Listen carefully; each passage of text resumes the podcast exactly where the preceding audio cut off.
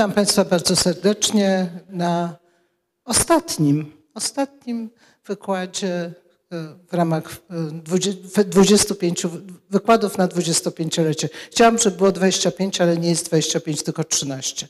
13 wykładów na 25-lecie, a dzisiaj się spotykamy 13, to akurat dobrze to brzmi. Pomysł wziął się stąd, że to jest nasz jubileusz 25-lecia, że chcieliśmy jakoś uświetnić to 25-lecie czymś nadzwyczajnym, a coś nadzwyczajnego oznacza, że prosimy naszych byłych członków Rady Programowej o to, żeby raczyli wygłosić wykład dla naszej publiczności. No i spośród licznych osób, które w Radzie Programowej brały udział, 13 osób się zgodziło. Zapomniałam się przedstawić, więc jeszcze się przedstawię. Nazywam się Zuzanna Teblic, jestem dyrektorem Festiwalu Nauki. Ja tylko dwa słowa, nie chcąc zabierać już czasu, a mianowicie przypominając, że festiwal zaczął się 25 lat temu, pierwszy w 1997 roku, że była to inicjatywa dwóch rektorów Uniwersytetu Warszawskiego i Politechniki Warszawskiej i pana prezesa Polskiej Akademii Nauk, że kiedy w 1996 roku podpisano porozumienie, to ustalono, że to jest na chwilę, to znaczy zrobimy raz i zobaczymy, co będzie dalej. I w ten sposób żeśmy powstali. Notabene do tego porozumienia nigdy nie wrócono, to znaczy w żaden sposób już potem ono nie odżyło, ale w tej chwili mamy ponad 80 instytucji, ponad 600 odbyło się w tym roku imprez, co w porównaniu z 72 w 97 roku jednak robi wrażenie, a co więcej, jedna trzecia z nich była na żywo. I też nam zależy do tego, żeby do tego na żywo wrócić. Ja może tylko powiem krótko. E, jestem z wykształcenia i z zawodu lekarzem, nadal zajmuję się pacjentami, ale bez wątpienia e, moją pasją, którą jeszcze czasami udaje mi się realizować, jest praca naukowa i to w takim zakresie prawdziwej nauki, bo prawdziwa nauka to są badania podstawowe, to jest dążenie do samej istoty mechanizmów, procesów, które leżą u podstawy funkcjonowania komórki, narządu, organu i w końcu całego organizmu. Temat, który zaproponowałem, to dotyczy odpowiedzi na pytanie, czy człowiek jako gatunek może żyć dłużej niż to, co udaje nam się osiągnąć w tej chwili? Czy jest jakaś granica długości trwania życia? Czy może już osiągnęliśmy e, możliwości naszego gatunku, jakie mamy sposoby, żeby przedłużyć życie. Nie tylko uchronić się przed chorobą, ale życie przedłużyć, czyli dodać lat do życia, nie tylko życia do lat. Bez wątpienia, jeśli szukamy odpowiedzi na pytanie, czy żyjemy coraz dłużej, odpowiedź brzmi tak, żyjemy coraz dłużej. Szacuje się, że w epoce paleolitu, e, nie wiem czy Państwo wiecie, że to był złoty okres w dziejach ludzkości, dlatego że szacuje się, że dostępność e, pożywienia na przykład dużych zwierząt e, zapewniała istnienie gatunkowi, który mógł pracować 5 godzin w tygodniu, bo tyle trzeba było, tyle potrzeba było, żeby nazbierać jedzenia, czy upolować mamuta, który był później źródłem pożywienia dla całego plemienia przez miesiąc.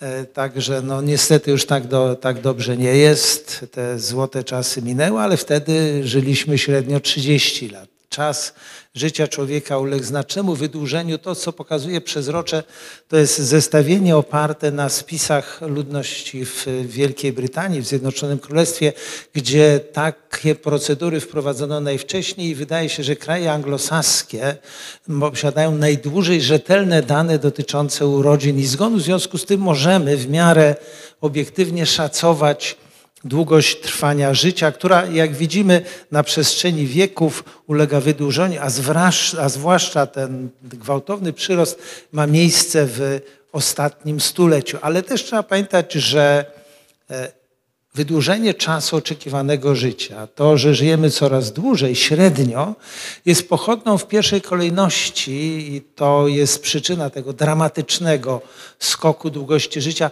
spadku umieralności niemowląt, czyli zmniejszenia liczby zgonów w młodym wieku, co jest pochodną postępu medycyny pod postacią szczepień, opieki nad noworodkiem, opieki okołoporodowej i też, co ma ogromne znaczenie, stanu higieny i zamożności społeczeństw. Jeśli podejmiemy taką próbę, ja tu na tym przezroczu zaraz wytłumaczę o co chodzi, określenia, ile człowiek tak naprawdę może żyć, to możemy posłużyć się właśnie wykresami oczekiwanej długości życia, ale analizując zmiany oczekiwanej długości życia, czyli takie przyrosty roczne, biorąc pod uwagę ludzi zaraz po urodzeniu i tutaj mniej więcej każdego roku życia przybywało w populacji dodatkowe 33, 1 trzecia roku, czyli mniej więcej 4 miesiące. Ludzie z roku na rok żyli dłużej, jeśli patrzymy na średnią długość życia liczoną od momentu urodzenia. Ale jeśli policzymy to dla 65-latków, czyli tych, którzy przeszli ten najgroźniejszy dla gatunku okres, przeżyli, dożyli do tego wieku, to tu już te przyrosty roczne, czyli średnie wydłużanie się oczekiwanej długości życia na rok, to było rzędu pięciu setnych rocznie. Czyli jeśli te dwie krzywe wykreślimy, to zobaczymy, że one się spotkają w około 82 roku życia. To są dane, jak Państwo widzą, e, które opracowano w, lat, w roku 1980, e, wykorzystując e, demograficzne informacje zgromadzone w Stanach Zjednoczonych, czyli możemy teraz powiedzieć, czy ta projekcja, czy te przewidywania się spełniły, no bo minęło od tego czasu już 40 lat i jeśli popatrzymy, tu te krzywe się nam spotykały w roku 2009. W 2009 roku e, średnia e, oczekiwana długość życia w Stanach Zjednoczonych wynosiła, jak Państwo widzicie, prawie 80 lat, czyli no, troszeczkę przeszacowano, ale ten rachunek był w miarę, w miarę zgodny z rzeczywistością. Czyli możemy próbować oszacować, ile tak naprawdę człowiek może maksymalnie żyć i posługując się tą metodą już w oparciu do danych współczesnych, no to niestety ta granica średnia życia mieści się w okolicy 90 roku życia. Ale to mówię, to jest średnia, czyli każdy z nas, jak rozumiem, ma nadzieję, siedząc na tej sali, że on będzie w tej części, która przeżyje więcej niż 90 lat. Oczywiście, o ile nie trafi się jakieś nieszczęście, dla ludzkości, takie jak na przykład epidemia zakażenia wirusem SARS-CoV-2. I to jest wielka lekcja pokory, bo mikroorganizm, który jest no, 100 tysięcy razy mniejszy od człowieka, mierząc to na przykład e, liczbą nukleotydów w genomie, potrafił, potrafił tak naprawdę zatrzymać rozwój cywilizacji na pewien czas i wpływ takiej pandemii jak COVID-19 na oczekiwaną długość życia może wynikać z dwóch zjawisk. Pierwsze, no to bezpośrednie zgony wywołane przez infekcję wirusem. A najczęściej w przebiegu niewydolności oddechowej. Jeśli patrzymy na Polskę, to jeśli ktoś zachorował na COVID, czy miał objawy, trafił do szpitala, prawdopodobieństwo, że umrze jest rzędu 3%. Ale no, na COVID jak na razie wiemy, że można chorować tylko raz. Natomiast istnieje wiele chorób przewlekłych, których prawdopodobieństwo zgonu, jeśli jest się osobą dotkniętą tą chorobą, jest znacznie większe. Na przykład jeśli ktoś ma cukrzycę, no to jest to mniej więcej dwukrotnie większe ryzyko zgonu wynikające z choroby. I to jest niestety dolegliwość, którą już mamy przez całe życie, jeśli zachorowaliśmy na cukrzycę.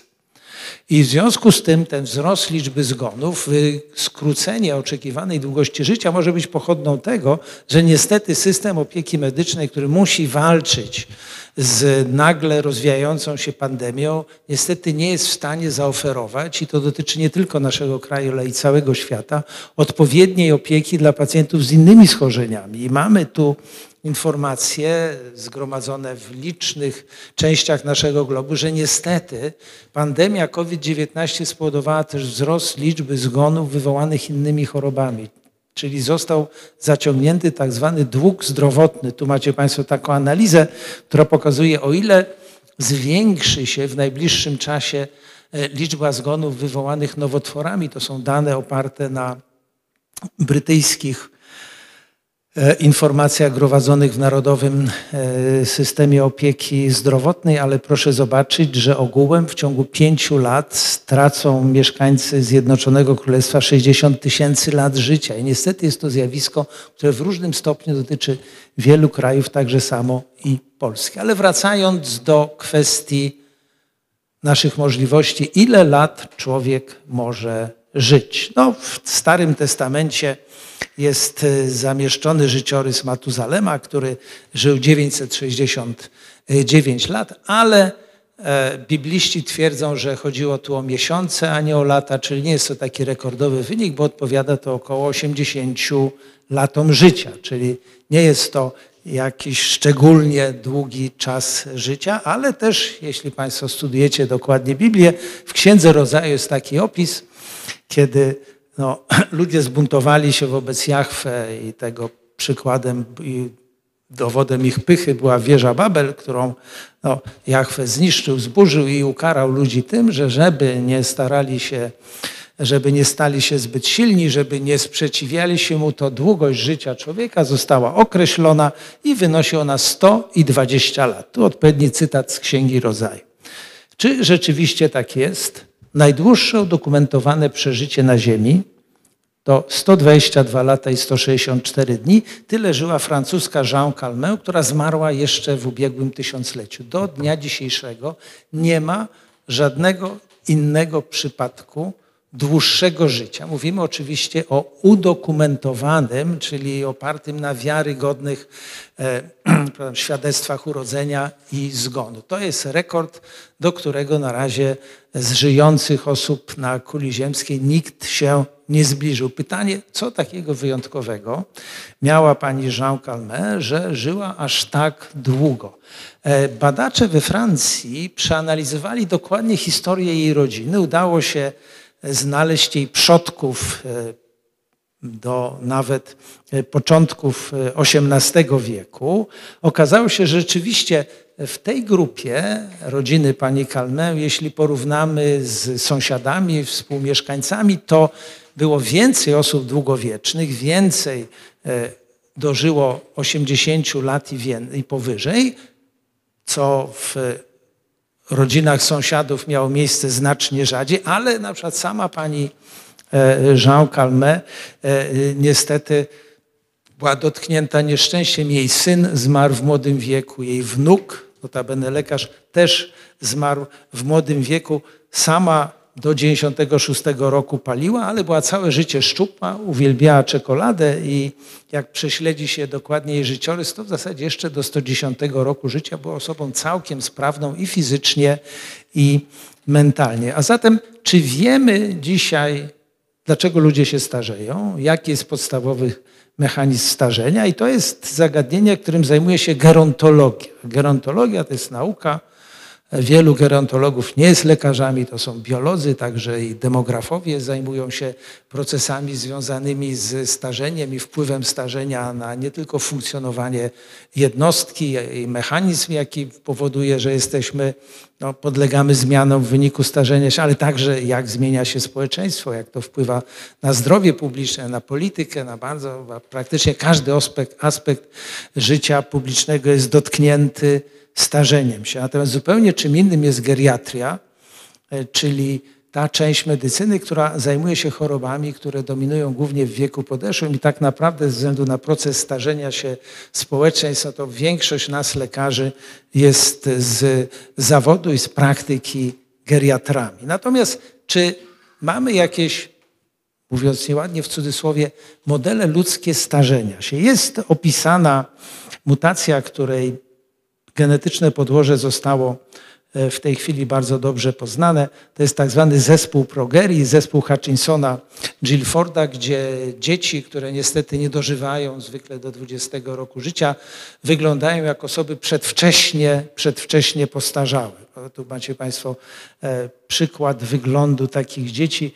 E, nieszczęście ich polega także i na tym, że rozwój intelektualny jest absolutnie prawidłowy. To są dzieci bardzo sprawne intelektualnie, są pamiętniki jednego z nich naprawdę niezwykle ciekawe i, i, i przejmujące, kiedy on opisuje, e, opisuje swoje życie. Te dzieci umierają na to samo, co ludzie w wieku podeszłym, czyli najczęściej na choroby układu krążenia. Ale defekt, który stwierdza się, czyli mutacja, która powoduje, że takie białko, które jest niezbędne dla funkcjonowania jąder komórkowych, gromadzi się w jądrach każdej komórki w nadmiernej liczbie, nie jest to mechanizm, który stwierdza się u osób, które no, przechodzą przez proces przez proces starzenia się. I nie ma jednej teorii starzenia się. Ja nie będę ich omawiał wszystkich, jest ich ponad 200. Nie czuję się zresztą ekspertem, ekspertem w dziedzinie gerontologii, ale generalnie uważa się, że starzenie to jest wyczerpywanie się pewnych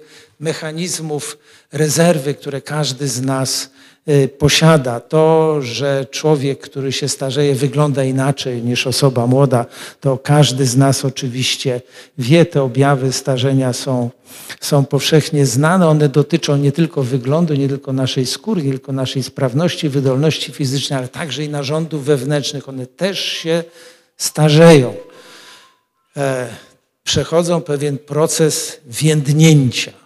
W nerkach obserwuje się e, zwiększony ubytek czynnego miąższu nerki, czyli na przykład zdolność nerek do wytwarzania moczu, do reagowania na różnego rodzaju bodźce, które wymagają na przykład bardziej nasilonej pracy, jest upośledzona. I są pewne definicje, definicje starzenia, które myślę są powszechnie zrozumiałe. Starość oznacza, że niestety jesteśmy mniej sprawni, mniej wydolni, pozbawieni rezerwy i bardzo łatwo to wykazać. Na przykład jeśli popatrzymy na wydolność organizmu w różnych grupach wiekowych, posługując się takim prostym kryterium, łatwo mierzalnym i porównywalnym, czyli na przykład średni czas ukończenia maratonu w różnych grupach wiekowych. Tu wybrałem akurat dane z maratonu bostońskiego w roku 2014. To widać, że jest pewien okres, kiedy nasza sprawność jest maksymalna, wydolność organizmu i z wiekiem tę zdolność do pokonywania coraz większego wysiłku niestety, niestety stopniowo, stopniowo tracimy i to jest taka podstawowa cecha starości. Ubytek rezerwy czynnościowej, czegoś, co nas zabezpiecza, co w okresie e, młodym, kiedy musimy jako gatunek się sprawdzić, e, mamy wówczas największe możliwości. Szacuje się, że tak w prostych liczbach rezerwa czynnościowa u człowieka młodego może być 4 albo nawet 10 razy większa niż u osoby w wieku podeszłym. Ale też każdy z Państwa powie, że są ludzie, których wiek metrykalny nie pokrywa się z wiekiem biologicznym. A i to jest też zjawisko e, powszechnie znane, obserwowane. Każdy może podać przykłady ze swojego otoczenia ludzi, którzy albo wyglądają młodziej niż wskazuje to ich PESEL, albo wręcz przeciwnie, ponieważ może to być pewien objaw różnie postępującej starości, to spróbuję odpowiedzieć teraz na pytanie, czy jesteśmy w stanie powiedzieć, ile tak naprawdę człowiek ma lat, ale mierząc to jego zegarem biologicznym. Czyli krótko mówiąc, jak jego organizm jest dalece posunięty w procesie starzenia się. Tak naprawdę, jako pierwszy ten proces, który mówi o wieku biologicznym, zdefiniował kanadyjski lekarz pracujący w Stanach Zjednoczonych i w Anglii, który został nawet e, nagrodzony e, tytułem szlacheckim, William Osler, uchodzi za ojca współczesnej medycyny. Zmarł na Hiszpankę, natomiast on powiedział, że Twój wiek to jest wiek Twoich naczyń. Jak stare są Twoje naczynia, to mówi, jak tak naprawdę starym jesteś osobnikiem, bo Osler już zauważył, że większość ludzi umiera z powodu chorób układu krążenia, chorób wywołanych miażdżycą w różnych obszarach. W związku z tym zaawansowanie miażdżycy mówi, e, jak bardzo jestem chory, jak bardzo jest duże ryzyko, że no, czas e, życia ulegnie skróceniu. Dzisiaj mamy metody takiej obiektywnej oceny, liczbowej oceny stanu naszych naczyń. Możemy nawet to wyrazić w postaci prostych, łatwych do zmierzenia parametrów. Takim E, podstawowym wykładnikiem zaawansowania zmian w naczyniach ich jest ich narastająca sztywność. To pewnie Państwo zauważyli, że jak się mierzy ciśnienie, to ludzie starsi mają tę wartość skurczową pierwszą wyższą. I często rozkurczowe jest niskie, a to skurczowe jest wysokie. To jest następstwo sztywności tętnic, sztywności, która wynika właśnie ze zmian postępujących degeneracyjnych w ścianie naczynia, gdzie elementy elastyczne, te takie sprężyste, zostają wymienione na sztywny kolagen. I to można nawet przyżyciowo u każdego zmierzyć. Metoda jest bardzo prosta, nie boli. Trwa to dosłownie parę minut. To robimy w mm, naszej klinice i mierzy się prędkość fali tętna. Im szybciej wędruje fala tętna, czyli krótko mówiąc mierzy się, kiedy fala tętna pojawia się tu i pojawia się na przykład na ręce albo w, na tętnicy udowej, im szybsza ta wędrówka fali tętna, tym bardziej sztywne naczynie. I okazuje się, że to, co Państwo widzicie na tej górnej części przezrocza, jest niestety predyktorem ryzyka zgonu, czyli osoby, które są w podobnym stanie biologicznym, ale mają sztywniejsze naczynia, większą prędkość fali tętna, mają większe ryzyko zgonu. Czyli Osler miał rację, jesteśmy w stanie to teraz udowodnić już obiektywnymi metodami dostępnymi w współczesnej medycynie. Natomiast e, podstawy tego, że zdolności naszego organizmu, zdolności funkcjonowania, zdolności odnowy i wykorzystywania rezerwy są ograniczone, po raz pierwszy udokumentował amerykański biolog, do dzisiaj zresztą pracujący w San Francisco, Leonard Heiflik. On przeprowadził następujący eksperyment. Zajmował się hodowlą fibroblastów. Fibroblasty są takie podstawowe komórki tkanki łącznej, bardzo łatwo je u człowieka uzyskać, wystarczy wziąć kawałek skóry, trochę ją tam potrawić, e, podzielić na pojedyncze komórki i jak się wrzuci to do płynu hodowlanego, to one zaczynają wyrastać, dzielą się, wypełniają całą e, płytkę czy całą butelkę, w której znajduje się płyn hodowlany i jeśli fibroblasty wejdą w tak zwany kontakt, czyli zaczynają się ze sobą stykać, to dochodzi do tak zwanego zahamowania kontaktowego. One się przestają dzielić. Przestają się dzielić. Heiflik wyjmował z takiej przerośniętej hodowli komórki, przynosił je do następnej butelki, w której był płyn i wszystko niezbędne do tego, żeby komórki mogły się namnażać. I okazało się, i znowu czekał na moment, kiedy dojdzie do zahamowania kontaktowego, przenosił do kolejnej butelki. Okazało się, że nawet jeśli stworzy się idealne warunki do hodowli, po około 50 takich transferach komórki przestają się dzielić. Przestają się dzielić, przestają się mnożyć umierają w hodowli. Czyli limit podziałów, jaką dysponuje pojedyncza komórka w naszym organizmie, jest ograniczony. On jest znacznie większy w odniesieniu do tak zwanych komórek macierzystych, ale w życiu dorosłym my nie mamy niestety komórek macierzystych, z których jesteśmy w stanie odtworzyć cały organizm. E, bardziej dokładna analiza mechanizmów związanych z podziałem komórki wykazała, że ten mechanizm, który jest wykorzystywany do e, replikacji, do podziałów komórkowych, wiąże się oczywiście z e, podwajaniem chromosomów i każdy ten proces, jak z jednej komórki mają się zrobić dwa, to trzeba zduplikować materiał genetyczny. Że to e, mnożenie chromosomów, podwajanie ich powoduje, że one ulegają skracaniu. I takie struktury na końcu chromosomów, zwane telomerami, które no, sterują procesem podziału komórki, zaczynają się skracać. I takim dobrym też miernikiem wieku biologicznego jest długość telomerów. Im one są krótsze w naszej komórce, no, tym niestety wiek biologiczny jest bardziej zaawansowany. No ale żyjemy w tej chwili w epoce biologii molekularnej, wiedzy o ludzkim genomie, także samo wiemy, że i to jest jedna z hipotez związanych z mechanizmem starzenia się, że w miarę jak jesteśmy eksponowani na różnego rodzaju czynniki środowiskowe, zewnętrzne, wewnętrzne, to ulega modyfikacji nasze DNA.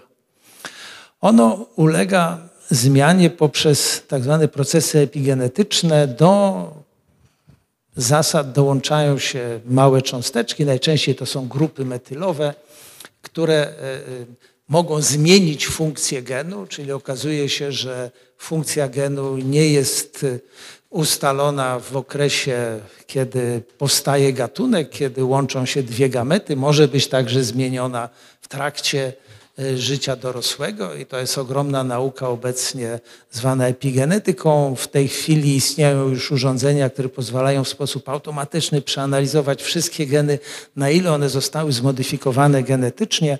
Steve Horvath, to jest naukowiec z Uniwersytetu Kalifornijskiego, opracował taki algorytm, który przelicza te zmiany epigenetyczne na wiek biologiczny. E, możecie Państwo bardzo łatwo wejść na jego stronę e, e, i za sumę 2,5 tysiąca dolarów oznaczyć sobie e, wiek biologiczny w oparciu o algorytm tegoż zegaru epigenetycznego Steve'a Horwata, ale mam dla Państwa bardzo dobrą wiadomość. Moi koledzy, koledzy z naszej uczelni opracowali znacznie prostszą metodę, która opiera się na tym, że wybranych jest kilka genów, które ulegają właśnie metylacji w miarę jak się starzejemy. Czyli okazuje się, że nie trzeba wydać całej masy pieniędzy, żeby sobie cały genom ocenić, na ile on został zmieniony w procedurach epigenetycznych. Można wybrać tylko kilka takich wskaźnikowych genów i tu też jest bardzo dobra korelacja między e, tymi przewidywanymi prze, przez modyfikację genomu e, zmianami, a rzeczywistym wiekiem chronologicznym. Tu Państwo widzicie na e, tymże przezroczu, że korelacja jest nieomalże bardzo dobra. Czy ta metoda ma zastosowania w praktyce, poza oczywiście zaspokojeniem swojej ciekawości, że dowiemy się, że być może będziemy żyli dłużej, albo co gorsza, możemy dowiedzieć się, że nasze geny nie wróżą nam długowieczności, więc pewnie lepiej dla własnej ciekawości tego badania nie robić, ale przykładowo. Kryminalistyka opiera się w tej chwili bardzo dużo na badaniu śladów biologicznych. Tu możemy ocenić, mając taki ślad, na jaki jest wiek, nie tylko powiedzieć, ale wiek podejrzanego sprawcy przestępstwa czy zbrodni. No? Czyli to ma też zastosowanie praktyczne już teraz. Taka metoda oceny wieku w oparciu o materiał genetyczny. Natomiast jeśli mówimy o długości życia człowieka, to też zaczynając od tego, że uległa ona zmianie w przebiegu tysiącleci, a najlepiej to widzimy w okresie ostatnich kilkudziesięciu lat, to też widzimy, że oczekiwana długość życia jest krańcowo różna w odmiennych regionach geograficznych naszego świata. I to jest taki pewien synonim biedy. W krajach biednych niestety ludzie żyją krócej aniżeli w krajach bogatych. Co więcej, te różnice manifestują się także w tych regionach geograficznych naszego globu, które reprezentują zbliżony poziom e, e, zamożności. Na przykład jeśli popatrzymy na Europę, e, to istnieją różnice pomiędzy poszczególnymi krajami. Tu niestety nasz region dawnego Układu Warszawskiego nadal odstaje w porównaniu do krajów starej Unii czy Europy Zachodniej, ale co więcej, te różnice możemy obserwować także na znacznie mniejszym obszarze. Na przykład, jeśli popatrzymy na dzielnicę Warszawy, oczekiwana długość życia mieszkańców poszczególnych dzielnic może się różnić nawet o kilka lat. Kilka lat. Co takiego sprawia, że mieszkaniec Wilanowa żyje dłużej niż mieszkaniec Pragi Północ? Powietrze jest takie same, tak?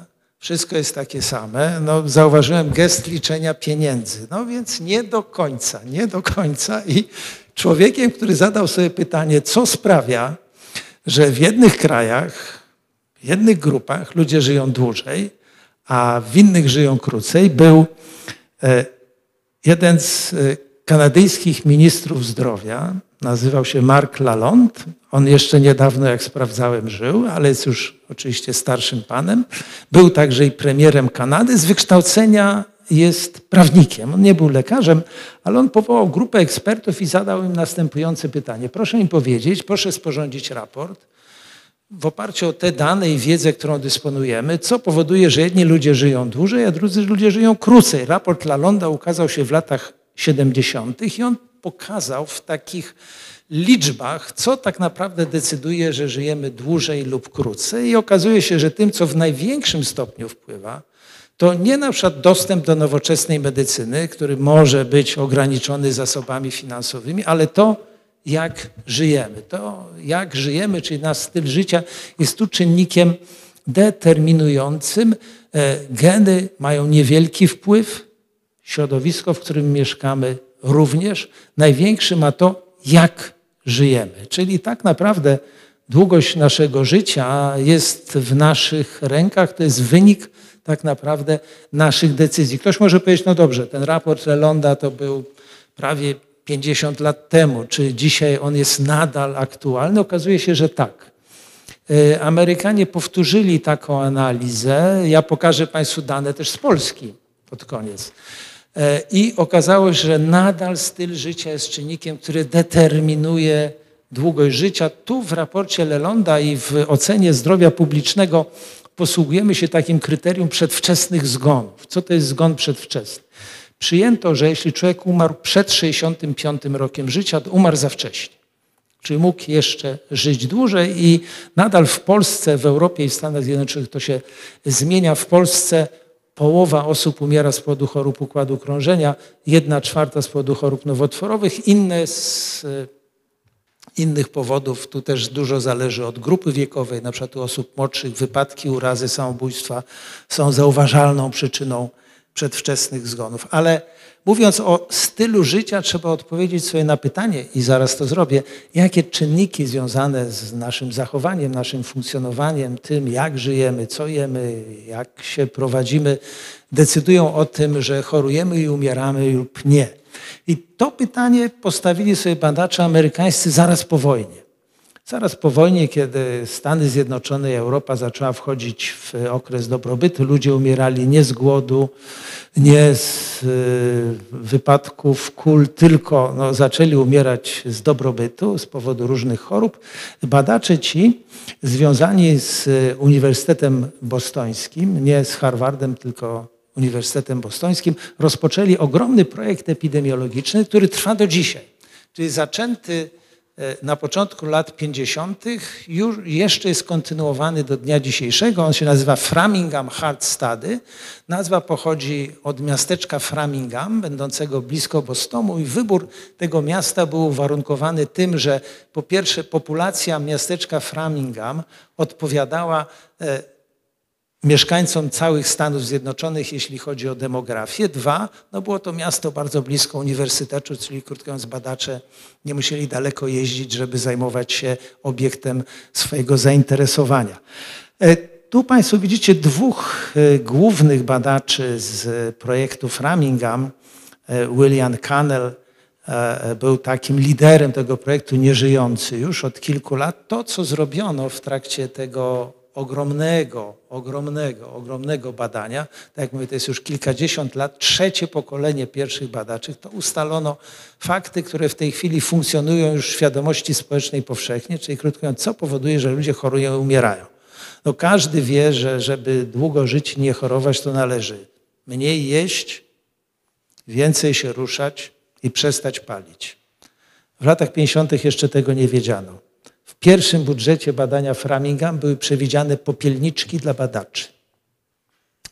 Badanie Framingham zidentyfikowało także i już bardzo precyzyjnie, jak na przykład poszczególne tłuszcze w naszym organizmie wpływają na ryzyko chorób układu krążenia. To dzięki badaniu Framingham wiemy, że jest dobry i zły cholesterol, że nadciśnienie jest niedobre, że jakie wartości ciśnienia należy uważać za zagrożenie dla naszego zdrowia. I ta lista czynników ryzyka zidentyfikowanych jest bardzo długa. Wprowadzono też definicję czynnik ryzyka. Czynnik ryzyka to jest jakiś parametr, który występuje w człowieku, który jest modyfikowalny i jest bezpośrednio poprzez związek skutkowo-przyczynowy powiązany z konkretną chorobą. Czyli najlepiej ten związek skutkowo-przyczynowy wykazać, że jeśli czynnik zmodyfikujemy, zmniejszymy ryzyko choroby. Jak obniżymy ciśnienie, szansa udaru jest znacząco mniejsza.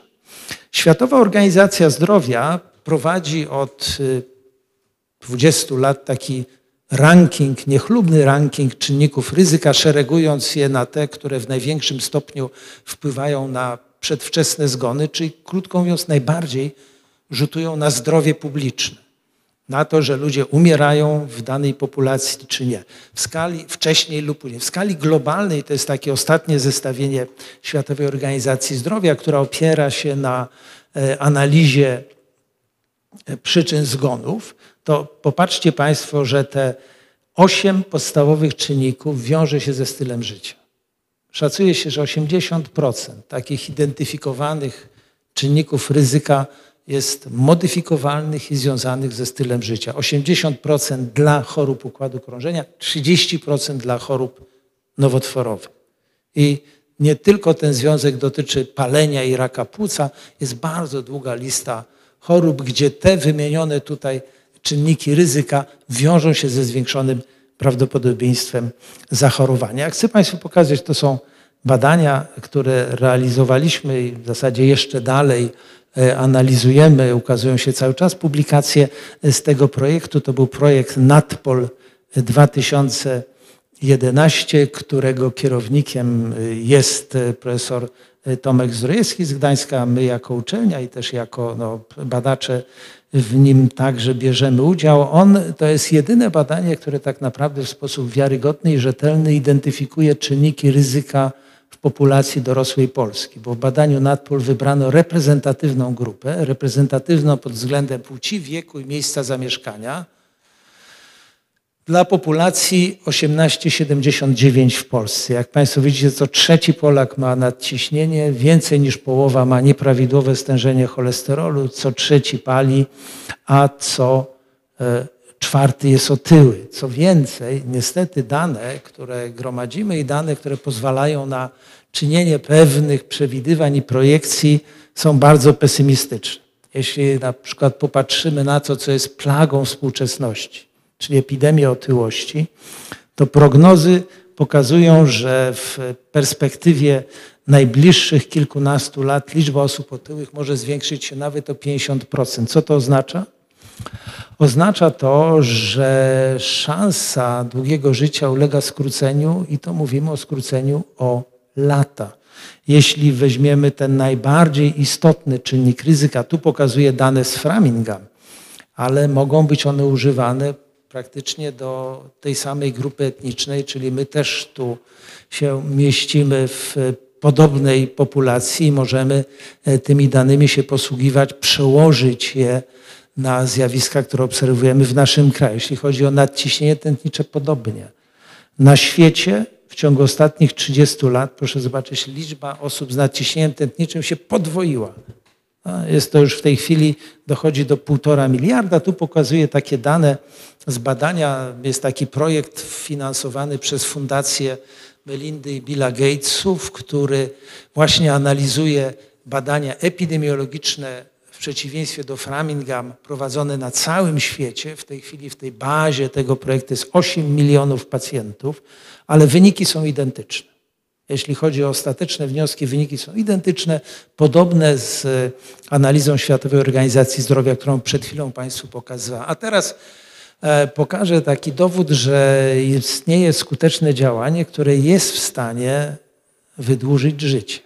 Wspominałem, że nadciśnienie jest tu czynnikiem ryzyka numer jeden przedwczesnych zgonów i tu takie E, wyniki, które zaraz skomentuję, żeby Państwo zrozumieli o co chodzi. W tej chwili nie ma najmniejszych wątpliwości, że jak człowiek ma nadciśnienie, musi brać leki obniżające ciśnienie. 40 lat temu, na przykład w odniesieniu do ludzi w wieku podeszłym, takich, którzy mieli tylko nieprawidłowe ciśnienie skurczowe, czyli objaw tej nadmiernej sztywności naczyń, przy prawidłowych lub niskich wartościach ciśnienia rozkurczowego, istniały wątpliwości, czy ci ludzie powinni być leczeni. Nawet mnie jeszcze uczono jako młodego lekarza, że prawidłowe ciśnienie to jest skurczowe wiek plus 100. Czy jak ktoś miał 60 lat, ciśnienie 160, to nie ma go co leczyć, bo tylko mu popsujemy krążenie w narządach. E, w związku z tym Pod koniec lat 80. przeprowadzono takie badanie, gdzie właśnie takie osoby w wieku podeszłym z nadciśnieniem dostawały albo lek, albo placebo. Jak, nie mamy jak mamy wątpliwości, czy leczenie jest na pewno skuteczne, to jest uzasadnione przeprowadzenie badania z placebo. To badanie szybko zakończono, bo okazało się, że ci, którzy byli leczeni, mieli mniej zawałów, mniej udarów. W związku z tym wszyscy pacjenci, którzy uczestniczyli w badaniu, później byli już leczeni. I teraz, co pokazuje powyższe przezrocze? Badanie zakończyło się w latach 80. Średni wiek pacjenta włączonego do badania wynosił 72 lata. Czyli no, po 30 kilku latach większość tych osób już nie żyła. Ale można było prześledzić czas trwania życia tych, którzy byli leczeni lub dostali placebo. I to pokazuje ta rycina. Ona pokazuje przeżycie przeżycie, w zależności od tego, czy pierwotnie pacjent był leczony, czy nie. Ci, którzy byli leczeni, żyli dłużej o 516 dni. Czyli wnioski z tego są dwa. Pierwszy, że jeden miesiąc leczenia to jest jeden dodatkowy dzień w życiu. Drugi wniosek jest taki, że też w życiu warto mieć szczęście i jak trzeba, to nie trafić na placebo. Ale te prognozy, które możemy snuć w oparciu o dostępne dane epidemiologiczne, są niestety pesymistyczne. E, rozpowszechnienie czynników ryzyka związanych ze stylem życia powoduje, że możemy spodziewać się skrócenia oczekiwanej długości trwania życia. I już w niektórych krajach jest to widoczne. Na przykład w Stanach Zjednoczonych nastolatki być może będą żyły krócej niż ich rodzice.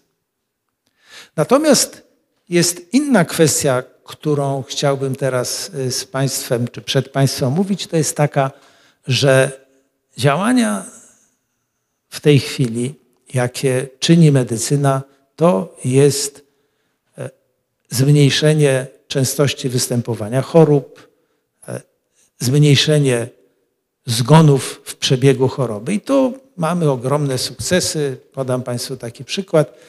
Jak zaczynałem pracę jako lekarz, cukrzyca typu drugiego nie była taką częstą chorobą. Rozpoznanie cukrzycy typu drugiego oznaczało, że pacjent ma 50% szansy, że będzie jeszcze żył przez 5 lat. W tej chwili ja mam prawie połowę pacjentów z cukrzycą i oni żyją, a niedawno widziałem pacjentkę, no nie tak niedawno, ale 2-3 lata temu, 90-letnią z cukrzycą typu pierwszego. Czyli pani, która chorowała ponad 50 lat na cukrzycę. Czyli medycyna może i potrafi i dajemy radę. Tylko pytanie, czy nie jest to przedłużanie życia ludziom z chorobą. I tutaj można nawiązać do wydatków, bo rzeczywiście wiadomo, że większość nakładów, które jest ponoszone na opiekę medyczną, dotyczy ludzi chorych, dotyczy ludzi w zaawansowanych okresach choroby i dotyczy momentu tak naprawdę końcowego etapu historii choroby. Czyli krótko mówiąc, przykład większość nakładów jest wydawanych w ostatnich miesiącach życia. I to, co pokazuje powyższe przezrocze, to ono pokazuje, że w krajach, gdzie wydaje się dużo na zdrowie, tak naprawdę dokładamy lat z chorobą. Tu ludzie żyją dłużej, bo dłużej chorują. Nie umierają, tylko chorują. A naszym celem jest oczywiście dołożenie lat do życia. I czy jest to możliwe? Czy można żyć dłużej?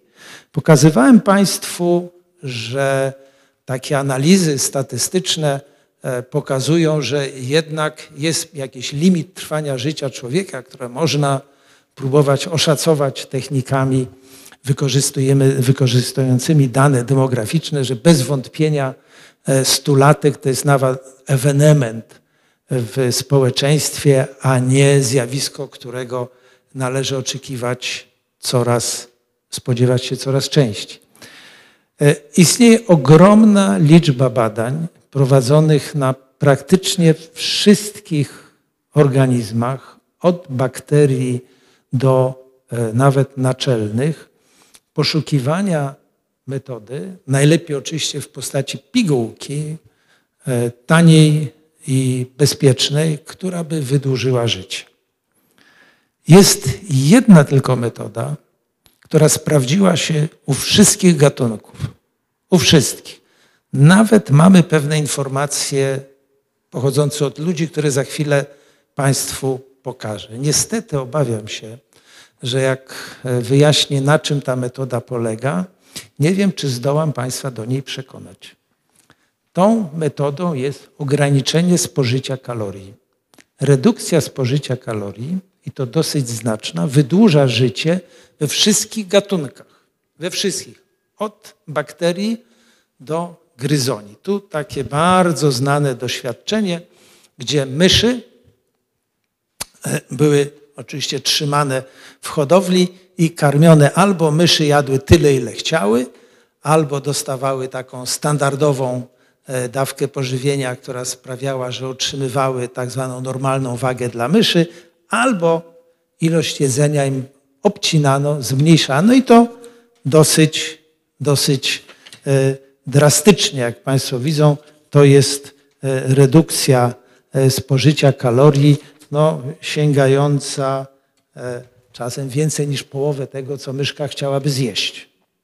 Czyli to tak, jakbyśmy każdemu z nas zabrali dwa posiłki i zostawili skromne śniadanko. Ale proszę zobaczyć, jak to się przełożyło na czas życia. Tu nie działają żadne inne bodźce. Urazy, dodatkowe choroby. Te myszy są trzymane w standardowych, bezpiecznych dla myszy warunkach, do których jako zwierzęta laboratoryjne są przygotowane. Proszę zobaczyć, że ten oczekiwany czas życia myszy wydłuża się w sposób znaczący. To jest od kilku do kilkunastu miesięcy, co w perspektywie organizmu, który w niewoli nie przeżywa zwykle dwóch, trzech lat, to jest ogromne wydłużenie życia, życia całkiem niezłej jakości. Jak na jakość życia myszy oczywiście. Pytanie, czy to również sprawdza się u człowieka. U człowieka nie możemy się odwoływać do obserwacji, dlatego że ludzie, którzy jedzą mało, najczęściej to nie jest ich wybór. To jest niestety spowodowane biedą, e, warunkami, w których żyją, otoczeniu, środowisku i tym podobne. Czyli nie jest to wybór, jest to narzucony przez okoliczności przymus. Natomiast istniała taka grupa, e, wydaje się, że niestety zawiesiła już swoją działalność, właśnie towarzystwo, które nazywało się, nazywało się Calorie Restriction Society, czyli grupa ludzi, którzy dobrowolnie zmniejszyli ilość spożywanych kalorii do 1600 kilokalorii na dobę. Czyli to jest mniej więcej dwulitrowa kola i chipsy. Takie duże chipsy. E, nie możemy powiedzieć, bo obserwacje sięgają 6 lat, czy oni żyli dłużej, ale jak się popatrzy na czynniki ryzyka, no to doszło do bardzo znacznej poprawy profilu ryzyka, czyli jeśli patrzymy na te wszystkie liczbowe parametry, które szacują, jakie jest prawdopodobieństwo, że e, rozwiniemy chorobę wieńcową, udar czy inne choroby. Co więcej też, ci mm, pacjenci byli dokładnie analizowani przy pomocy dostępnych metod takich nieinwazyjnych typu echokardiografia, badania naczyń, które dokumentują, że typowe dla starzenia się procesy, na przykład sztywności naczyń, włóknienia serca, ulegają u nich regresji. Nie tylko nie postępują, ale mogą się także trochę cofnąć. No ale nawet ten e, optymistyczny wynik nie skłonił e, chętnych, którzy brali udział w tym projekcie, do jego kontynuacji, bo tak jak mówię, e, ostatnie publikacje są sprzed kilkunastu lat, czyli no, zakładam, że oni wszyscy nadal żyją, że ta dieta ich nie zabiła, ale no, prawdopodobnie nie są w stanie utrzymać takiego reżimu dietetycznego. A zatem pytanie, czy może jest jakaś nadzieja w postaci pigułki, która by wydłużyła życie. Takim lekiem, który tak naprawdę wywołuje głód w komórce, lekiem, który jest stosowany ponad 50 lat, jest metformina. To jest lek uzyskany z roślin, z bzu francuskiego. czyli takiego zioła, które było w medycynie stosowane od dawna.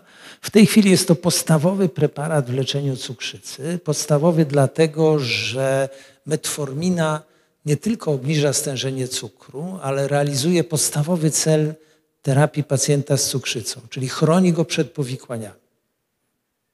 Bo celem leczenia cukrzycy jest zapobieganie powikłaniom. Czyli nie wystarczy samo obniżanie stężenia cukru. Są leki, które obniżają stężenie cukru, a nie mamy danych, że na przykład zmniejszają ryzyko ślepoty, niewydolności nerek, zawału czy udaru. Metformina takie dane posiada i mechanizm działania jest dosyć złożony i tak naprawdę nie do końca poznany, ale ona e, powoduje, że krótko mówiąc wpływa na metabolizm energetyczny komórki, wywołując u niej stan takiego wewnątrzkomórkowego głodu. W cukrzycy jest to korzystne, bo na przykład nie powstaje glukoza, czyli obniża wytwarzanie y, glukozy w wątrobie.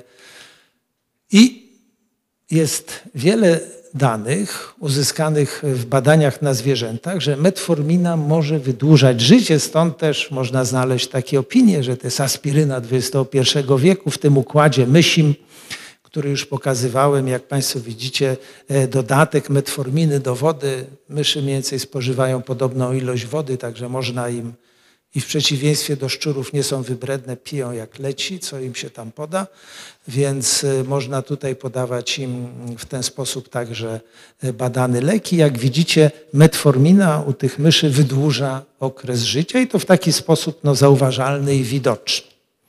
Czyli być może metformina, ale nadal nie jest to lek, który bym Państwu zalecał. Powiedział, że każdy brał metforminę, bo będzie dłużej żył. On w niektórych sytuacjach nie może być stosowany. Są osoby też, które go nie tolerują. Także bez wątpienia nie spełnia kryterium aspiryny, e, która e, jest znacznie częściej stosowana, ale nie u zdrowych, ale u osób już chorych. Natomiast Wracając jeszcze do demografii, analizy przeżycia, ryzyka zgonów i oczekiwanej długości w naszym kraju.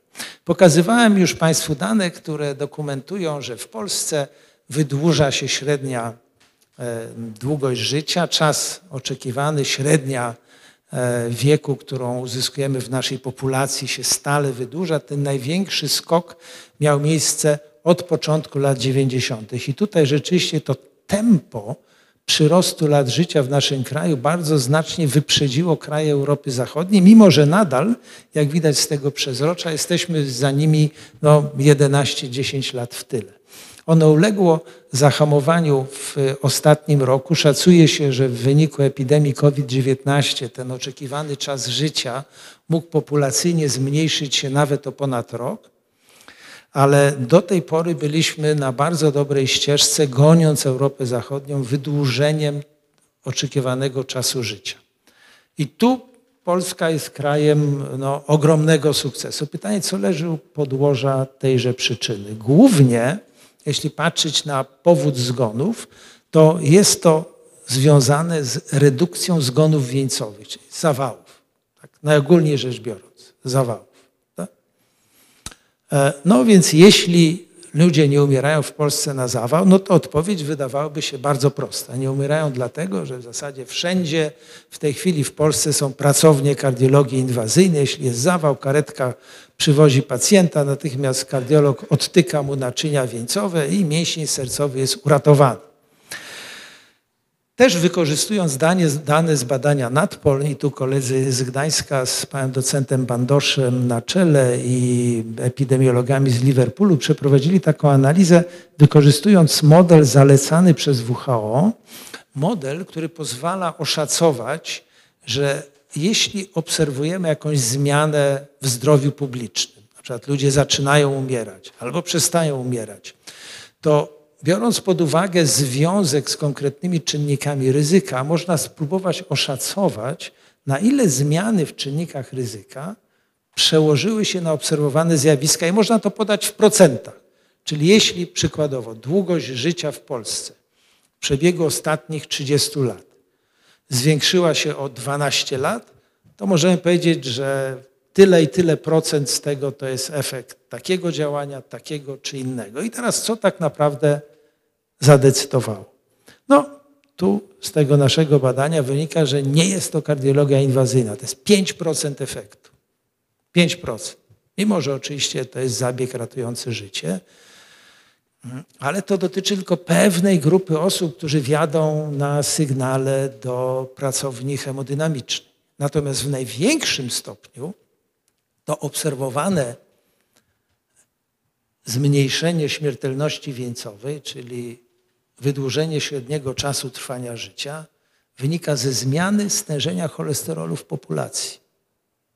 Wynika nie z tego, że są leki powszechnie dostępne, tanie, które obniżają stężenie cholesterolu, ale z tego, że Polacy odżywiają się w tej chwili inaczej. Część z Państwa może tu pamiętać, że kiedyś smażyło się na smalcu. W tej chwili smalcu chyba, czyli tłuszczu świńskiego kupić w sklepie tak łatwo się nie da. E, nie jadano, nie stosowano oliwy w kuchni. E, nie jadano tyle warzyw i owoców. To przełożyło się, ta zmiana w sposobie odżywiania przełożyło się, że stężenie cholesterolu u Polaków jest niższe. A jest to bardzo istotny, numer dwa, czynnik ryzyka. I to jest 40% całego efektu.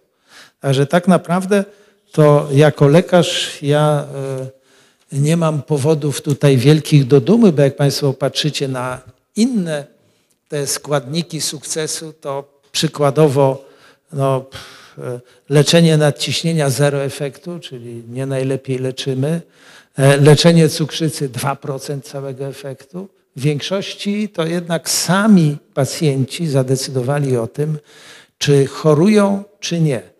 I kończąc, chcę e, przypomnieć, że całkiem niedawno, 1 października, od lat jest obchodzony Dzień Osób Starszych. Ja to mówię nie dlatego, żeby Boże broń ktoś z Państwa poczuwał się, że powinien tego dnia świętować, Boże broń. Wręcz przeciwnie, to wszyscy jesteśmy młodzi na tej sali, ale to ma służyć takiej ostatecznej konkluzji i podsumowaniu, że nasz los jest w naszych rękach i nasza starość może być i szczęśliwa, ale także i w stanie zdrowia, w stanie funkcjonowania, który pozwala nam korzystać z tych przyjemności, które życie oferuje dla człowieka w każdym wieku. A jeśli Państwo chcecie wiedzieć, jak się liczy starość, to są różne definicje. WHO liczy od 65 roku życia, Amerykanie od 75 roku życia. Ja liczę według definicji operacyjnej, to jest wiek własny plus 20. Bardzo dziękuję.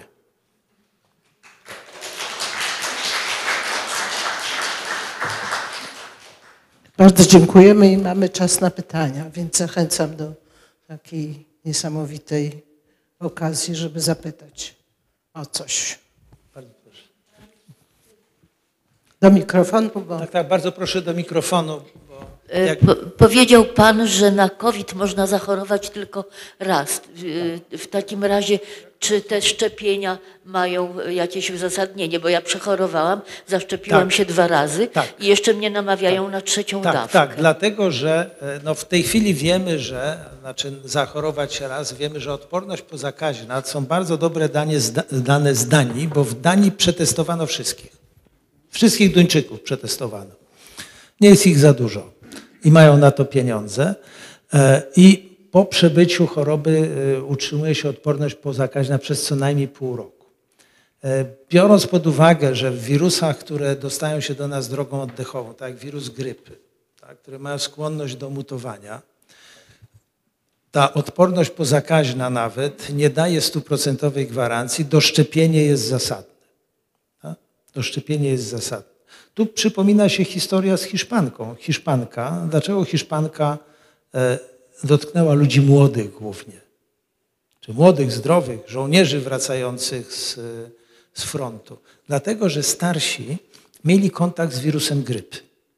Pojawił się nowy szczep H1N1, na który starsi mieli jakąś śladową, częściową odporność. Młodzi spotkali się z nim po raz pierwszy i niestety poczynił on ogromne spustoszenie. Oni umierali tak jak w covid w takim mechanizmie ostrej niewydolności oddechowej, czy takiego masywnego uszkodzenia układu oddechowego z, z wykrzepianiem, to co jest też obecnie widoczne w covid -zie. Dzieci na przykład, dzieci nie chorują, ale dzieci mają kontakt z koronawirusami grupy alfa w przedszkolu i w żłobku. To jest kilkanaście procent infekcji górnych dróg oddechowych wywołanych przez grupę koronawirusów, co może dawać krzyżową odporność. Także prawdopodobnie schemat postępowania będzie taki, że zalecane będzie okresowe szczepienie się jakimś nowym wariantem szczepionki, który będzie uwzględniał zmienność wirusa, który pojawi się w populacji, tak jak w przypadku, tak jak w przypadku grypy. Tak można, można przewidywać. Trzeba pamiętać, że e, obserwacje dotyczące covid są krótkie. No, choroba pojawiła się grudzień 2019. Da? W związku z tym no, takich solidnych danych nie mamy za dużo. Da? E, To raz, dwa, ale też trzeba podkreślić, że jest to no, tak naprawdę e, COVID pokazuje, jak ogromny jest postęp medycyny. Jeśli się porówna historię na przykład e, AIDS i COVID-19. AIDS kilka lat szukano przyczyny. 80 e, grudzień, dosłownie grudzień, bo to w, w stanie wojennym ukazała się publikacja o pierwszych przypadkach. Dopiero po kilku latach, chyba w 84, wykryto czynnik sprawczy, później opracowano test, pojawił się lek. No w tej chwili wirus HIV jest pod kontrolą. Są leki, które absolutnie hamują, hamują replikację. E, COVID jest historia. Rozpoznano wirus wykryty po dwóch tygodniach, test diagnostyczny po miesiącu, szczepionka w ciągu roku. No to czegoś takiego w historii medycyny nie było do tej pory. Tak? Także też trudno mówić, wydaje się, że to doszczepianie co jakiś czas, być może co rok, będzie taką rutyną. E, Panie profesorze, w końcu nie da się zaszczepić człowieka na wszystko, co może być. Jakby na to nie patrzył. Zawsze jaki, jakiś, że tak powiem, zarazek się wymknie i będzie niestety z powrotem problem. W końcu był MERS, który chyba zaatakował Bliski Wschód parę lat temu. Tak. E, Potem jeszcze jakiś tam Znaczy SARS. najpierw był SARS, później No, był MERS. no właśnie. Tak. E, Zresztą te szczepionki RNA, które są, to one były już przygotowywane na te dwa wcześniejsze no koronawirusy. właśnie. dlatego, że to nie jest tak, że to tam No tak nagle tak, nie tak, że to ni stąd, ni zowąd, prawda, przemysł tam tylko e, rozsiewał koronawirusa, bo już mieli gotowe szczepionki. One były e, przygotowane tylko na te dwa inne e, typy koronawirusów. Natomiast ma Pani rację, nie da się zaszczepić No nie na wszystko. się, no. Z pierwszego, z jednego podstawowego powodu nie ma szczepionek na wszystkie choroby. No właśnie. Natomiast Tak jak pewien... nie ma panaceum na, na żadnego leku też. E, na, Tak, na natomiast jest e, pewien zestaw szczepień tak zwanych obowiąz- obowiązkowych i zalecanych. prawda?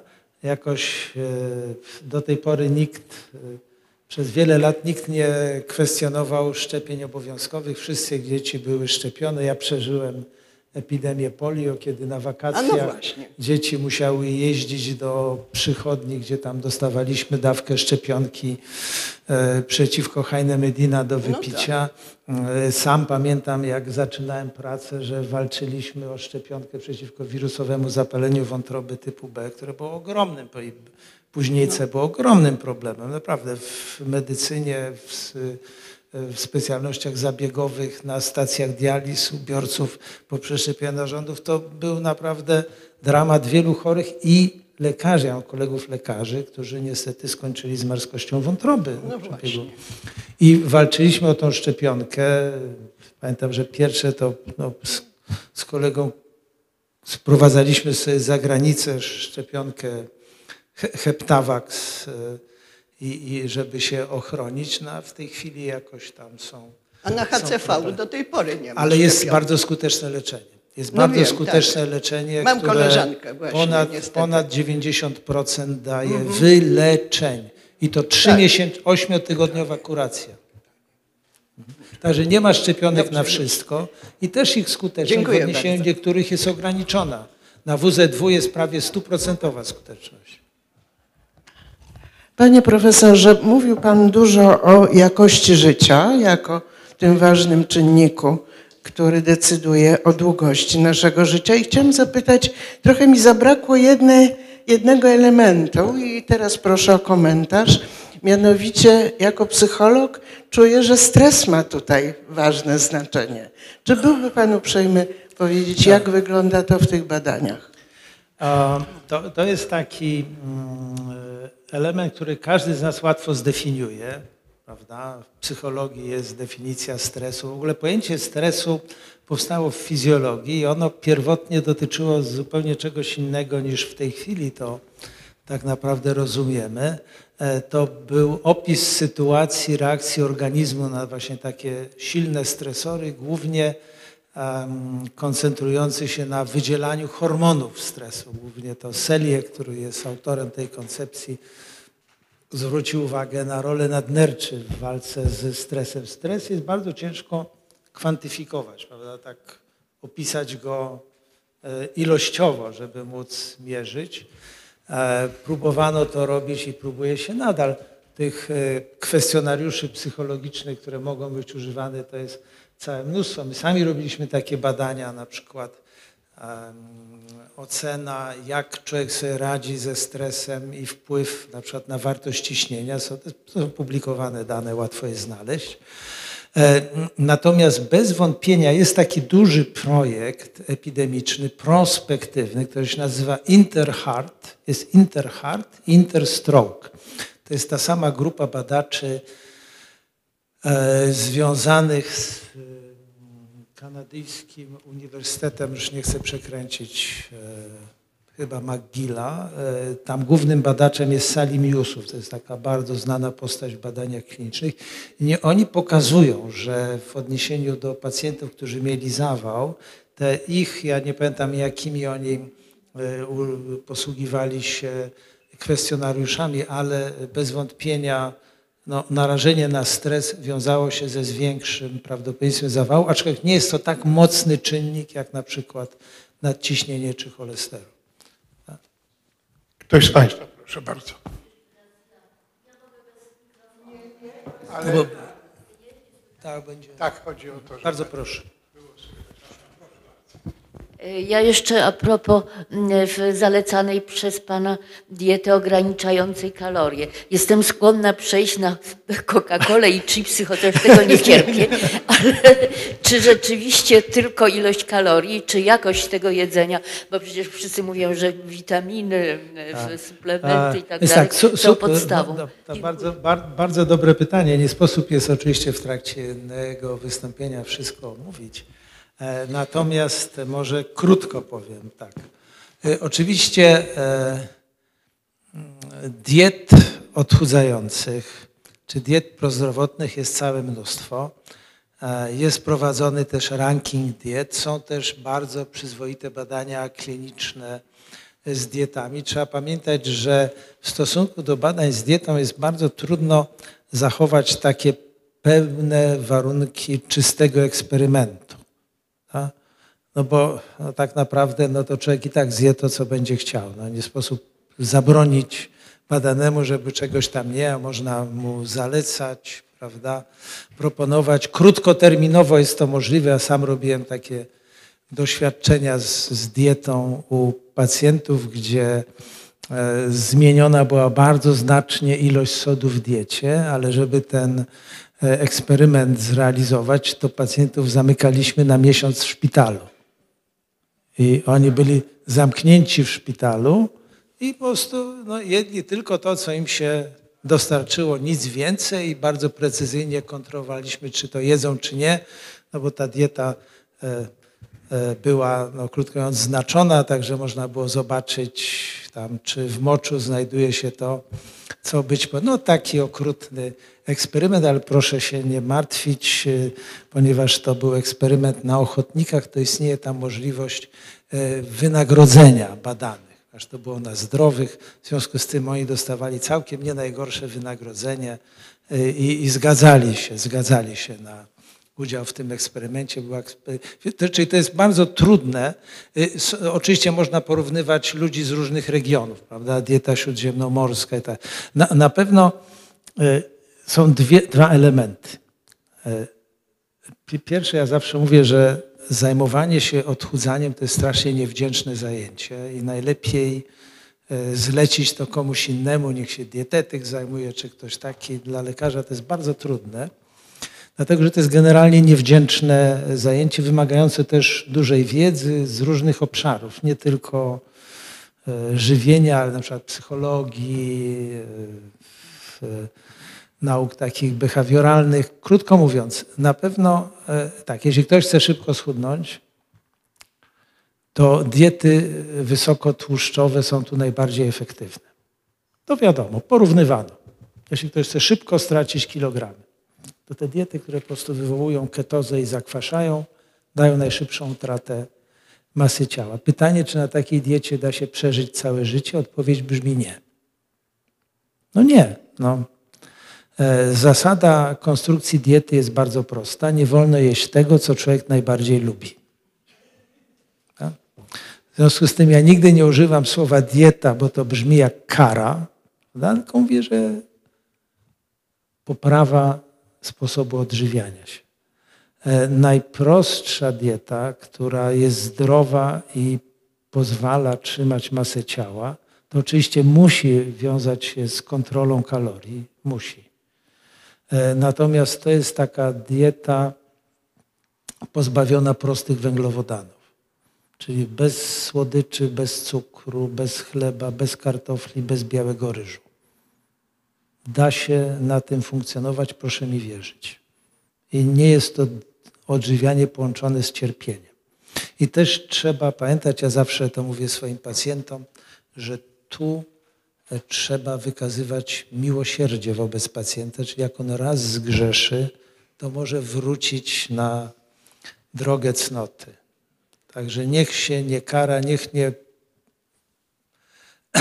uważa, że jak już prawda, raz uległ, to już jest na wieki potępiony. Nie może wrócić ponownie na właściwą ścieżkę. Mhm. Także są, taka dieta, która jest w tej chwili najbardziej prozdrowotna, to jest amerykańska dieta, ona się nazywa DASH. I ona opiera się warzywa, e, odtłuszczone produkty mleczne i chude mięso, kurczak, ryby. Z ograniczeniem oczywiście słodyczy. Tam te wszystkie diety łatwo znaleźć w internecie. Ta DASH to jest D-A-S-H. A też myślę, że są polskie opisy.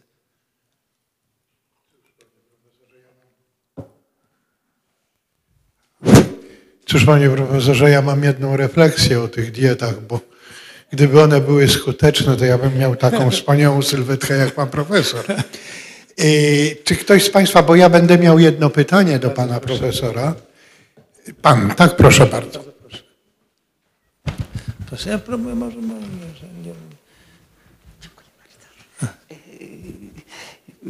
Panie profesorze, ostatnio dużo mówi się o epigenetyce Aha. i tak, że tak powiem, wpływu stylu życia na, y, na epigenom człowieka.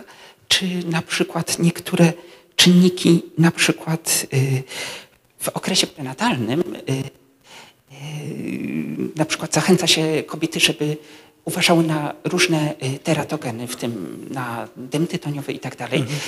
Y, Czy to może być prawda, że narażenie w okresie prenatalnym y, na, na ten teratogen w postaci dymu tytoniowego y, może powodować zmiany epigenetyczne nie tylko y, dziecka, ale nawet na kolejne pokolenie, czyli y, to tylko tak. Y, Tak, tak. To znaczy, najlepiej jest to przebadane dla e, tak naprawdę alkoholu, bo jest tak zwany prawda, płodowy zespół alkoholowy, który teraz y, ja byłem w takiej no, parę lat temu y, grupie powołanej przez WHO, która zajmowała się wpływem alkoholu na układ krążenia głównie, no bo tu też istnieje taka nieprawdziwa legenda, że alkohol w małych ilościach poprawia, dobrze robi na krążenie, to nieprawda. E, Na, natomiast ten z, z, zespół płodowy, który kiedyś był częsty, bo na przykład kiedyś kobietom w ciąży, jak miały niedokwity, zalecano, żeby popijały sobie czerwone wino. Chory często logicznie rozumując, no jeśli zalecają mu lekarstwo, które jest takie dobre, no to czemu nie wziąć podwójnej dawki, prawda? No jak to tak pomaga. To jest tak jak ten pacjent, który przychodzi do doktora i mówi, że go wątroba boli. Mówi, a czy pan pije? No pije, ale nie pomaga. No. Y, Więc bez wątpienia tak ten zespół płodowy nadal jest obserwowany, jak słyszałem od kolegów i oczywiście jeśli to są trwałe zmiany w genomie, mogą przenieść się na, na kolejne, kolejne po, pokolenie. Ktoś jeszcze? Proszę bardzo. Już idę do pana.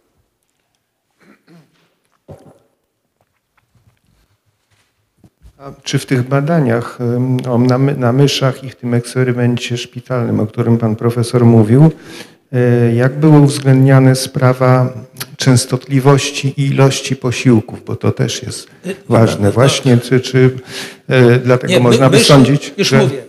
My, myszy są żywione w, w to znaczy to, e, to są prace sprzed kilkunastu lat, ale ja sam robiłem kiedyś takie eksperymenty, z, wyjdę na jakiegoś potwora, który dręczy zwierzęta i ludzi, ale robiliśmy też takie eksperymenty na szczurach i robi się to w ten sposób, że po prostu odważa się, y, mysz jest trzymana w klatce, ma taki pojemnik z żywnością i odważy odważa się konkretną porcję jedzenia. Tak? Także e, kontroluje się ilość jedzenia, którą mysz dostaje. My, myszy jedzą cały czas, najczęściej, najczęściej gryzonie w nocy się żywią. I, I po prostu trzeba później tam odpowiednio doważać. Czyli jeśli chcemy, żeby ona zjadła 50 kilokalorii na dobę, no to trzeba, to, to jest dosyć uciążliwe, bo to trzeba ważyć prawda, cały czas e, ten pojemnik. To jedzenie jest takie w takich peletkach, to jest granul, granulki. Tak. E, Także to trzeba ważyć tak, żeby odpowiednio dokładać, tak aby dawka dobowa była stała. Dosyć e, uciążliwe e, badanie. Jeśli na przykład chce się jeszcze, żeby grupa kontrolna dostawała to samo, no to trzeba ważyć e, też i, i zwierzęta, i, i, i jedzenie bardzo pracochłonne. Także najlepiej jest wtedy mieć technika Chińczyka, który to, który to robi. Słucham? Nie, nie, one mają całą dobę. One mają... A, tych... Y, y, nie pamiętam jakoś, przepraszam bardzo, to można zajrzeć. Niestety ta strona tego towarzystwa jest martwa. Znaczy jest jeszcze witryna, ale nic więcej. Nie, nie, oni mieli rozłożone, rozłożone posiłki, naprawdę. Tylko natomiast nie wiem, czy trzy razy, czy pięć razy. Jak to. Ja dojdę do pani. Organizmy żyjące na Ziemi e, ewoluowały w koadaptacji czasowej do środowiska zewnętrznego. Dlatego chciałam się spytać, czy e, nie takim, takim uniwersalnym właśnie, mm, czy jednym z uniwersalnych środków przedłużenia e, życia ludzi nie byłaby koadaptacja czasowa. Wiemy bowiem, że nasz organizm funkcjonuje w pewnym rytmie, który jest dostosowany do środowiska zewnętrznego i czy nieistotna jest właśnie ta koadaptacja? A tak, jakby pani mogła mi bardziej sprecyzować, bo przyznam się, że wie, Znaczy, mm, ja troszeczkę się zajmuję chronofizjologią i tak się składa, że mm, chociaż nasze komórki są bardzo zróżnicowane, to stanowią spójny organizm. Mamy różne zegary. Zegar ogólny, który jest synchronizowany do środowiska zewnętrznego, jak i zegary komórkowe. W momencie, kiedy to wszystko działa wspólnie, to nasz organizm prawidłowo funkcjonuje. W momencie, kiedy te zegary zaczynają tykać troszeczkę inaczej i burzy się rytm funkcjonowania naszego organizmu, wszystko się zaburza. Dlatego wydaje mi się, że należałoby też zwrócić uwagę na to, że jeżeli już rozpatrujemy długość życia człowieka, to bardzo istotny wpływ mają na to czynniki zewnętrzne, nasza zdolność adaptacji do tych czyn- czynników.